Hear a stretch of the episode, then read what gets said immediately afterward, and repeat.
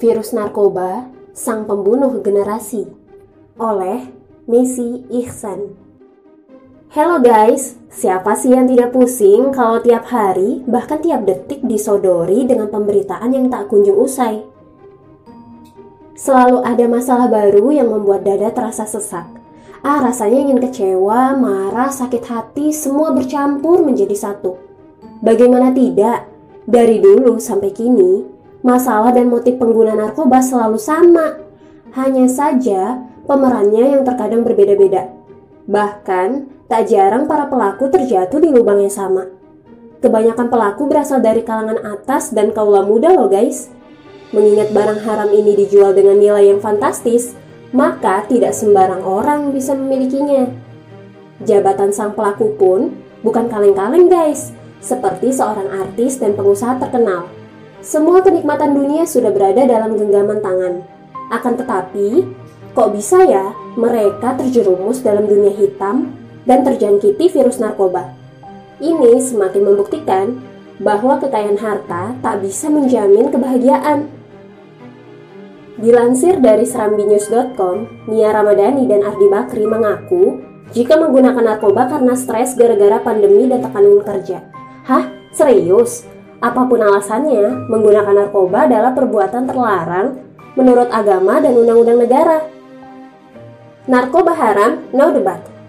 Kasus narkoba yang menyeret nama artis terkenal tentu sangat mencoreng dunia hiburan tanah air ya guys. Bahkan tak jarang pandangan miring pun mengudara terhadap mereka. Sejatinya, public figure harus memberikan contoh yang baik bagi masyarakat, terutama generasi muda ini bisa dilakukan dengan menciptakan beragam prestasi yang mengharumkan nama agama, bangsa, dan negara, bukan malah sebaliknya, menciptakan sensasi dan kontroversi yang membuat masyarakat menjadi resah. Mengonsumsi narkoba juga termasuk perbuatan dosa ya guys, sebab perbuatan itu tak hanya menzolimi diri sendiri, tetapi juga orang lain dan negara. Bahkan tak jarang yang jatuh sakit dan meninggal karena barang haram tersebut. Sungguh miris. Allah berfirman yang artinya, mereka bertanya kepada kamu tentang Homer dan judi. Katakanlah, pada keduanya terdapat dosa besar dan beberapa manfaat bagi manusia, tetapi dosa keduanya lebih besar daripada manfaatnya. Dan mereka bertanya kepadamu apa yang mereka nafkahkan. Katakanlah yang lebih dari keperluan. Demikianlah Allah menerangkan ayat-ayatnya kepadamu supaya kamu berpikir. Surah Al-Baqarah ayat 219 Rasulullah bersabda yang artinya, Rasulullah melarang setiap barang yang memabukkan dan yang melemahkan akal dan badan. Hadis riwayat Ahmad dan Abu Dawud. Efek penggunaan narkoba sangat berpengaruh pada kesehatan dan psikologis termasuk juga bisa merusak akal dan tubuh. Padahal, umat membutuhkan generasi cerdas dan kuat untuk membangun negeri ini. Jika mereka sudah terjebak dalam dunia hitam narkoba, bagaimana nasib negeri ini? Haruskah dipegang oleh orang-orang yang lemah dan rapuh? Sungguh, hal ini semakin membuat miris. Penggunaan narkoba tiap tahunnya terus meningkat seolah tidak mau berhenti. Padahal, virus narkoba sangat membunuh potensi generasi muda. Karena itu, negara harus mengeluarkan peraturan hukum yang menyelesaikan masalah dan memberikan efek jerah pada yang lain. Sangat perlu tindakan tegas dari pihak kepolisian, tak cukup sekedar rehabilitasi bagi para pelaku. Sebab, belajar dari pengalaman sebelumnya, banyak pelaku mengonsumsi narkoba lebih dari satu kali. Dari fakta tersebut, semakin menunjukkan bahwa sistem kapitalisme terbukti gagal dalam melindungi akal dan tubuh umat. Sebab, aturan dibuat berdasarkan hawa nafsu manusia, bukan wahyu Allah, sehingga menimbulkan beragam kerusakan di kehidupan nyata. Lantas, masihkah ingin bertahan dengan sistem yang jelas bobrok ini? Allah berfirman yang artinya, apakah hukum jahiliyah yang mereka kehendaki? Hukum siapakah yang lebih baik daripada hukum Allah bagi orang-orang yang meyakini agamanya? Surah Al-Maidah ayat 50. Islam berantas narkoba sampai tuntas.